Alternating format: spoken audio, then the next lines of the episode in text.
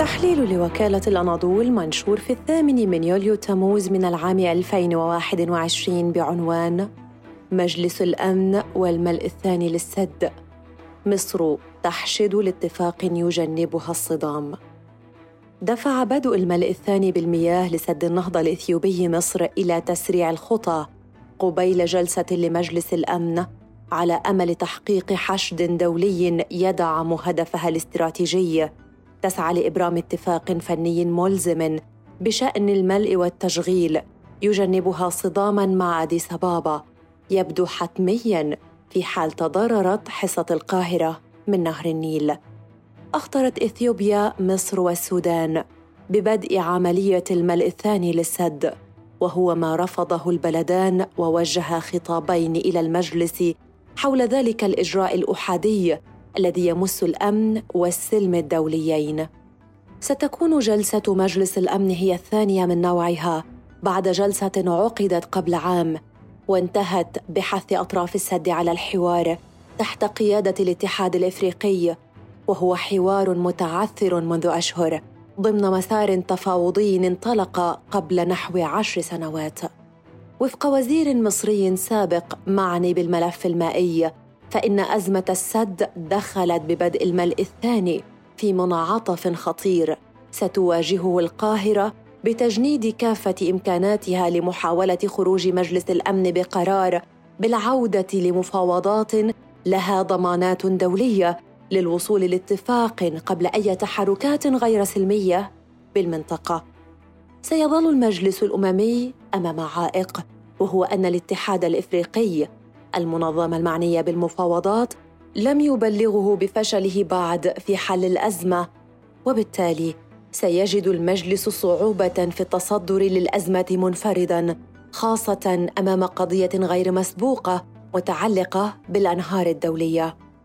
اعتبر وزير الخارجية الإثيوبي أن رفع مصر والسودان قضية السد إلى مجلس الأمن تدويل للمسألة وإطفاء للطابع الأمني عليها دون داع حسب تعبيره فيما تقول القاهرة والخرطوم إن اديس بابا تتعنت وتماطل وتخالف القانون الدولي بالتنسيق مع السودان طلبت مصر في يونيو حزيران الماضي عقد جلسة لمجلس الأمن خشية تضرر السلم والأمن الدوليين في ظل إصرار إثيوبيا على بدء الملء الثاني دون التوصل إلى اتفاق.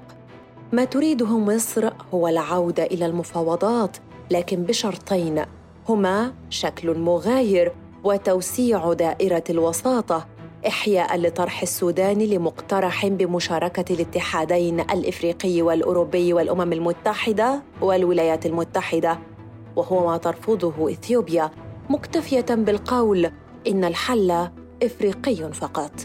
منذ وصوله إلى نيويورك ركزت مباحثات وزير الخارجية المصري شكري على أهمية أن يدفع مجلس الأمن نحو التوصل إلى اتفاق ملزم وهو ما خلصت إليه مباحثاته مع مندوبي الدول الخمسة الدائمة العضوية بالمجلس والتي تمتلك حق الفيتو. توجه القاهرة إلى المجلس يواجه تحديات إذ لم يتعامل من قبل مع مثل هذه النزاعات.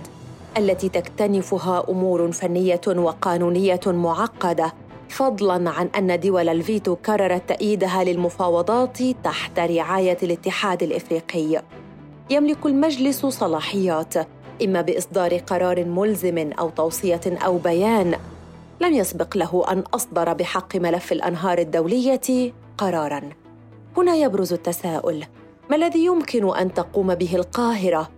في حال لم تستطع انتزاع موقف حاسم من مجلس الأمن بشأن الأزمة.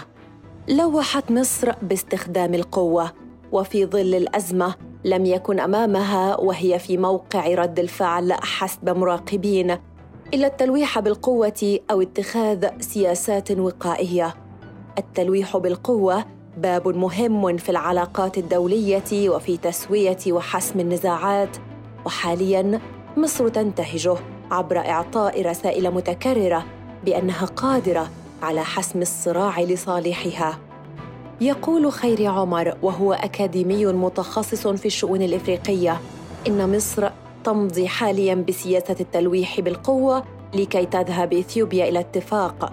لكن لو وقع ضرر على مصر فستنفذ عملا عسكريا.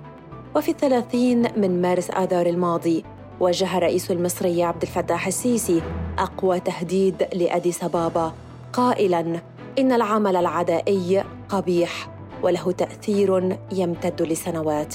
وتحسبا لهذا الخيار المحتمل أعلنت أديس أبابا رفع مستوى تأهب قواتها المنتشرة في منطقة السد لتأمين الملء الثاني. قبلها بأسبوع كان مدير إدارة الهندسة بوزارة الدفاع الإثيوبية قال إن بلاده مستعدة للسيناريو العسكري معتبرا أن القاهرة لن تستطيع تدمير السد أو مهاجمته.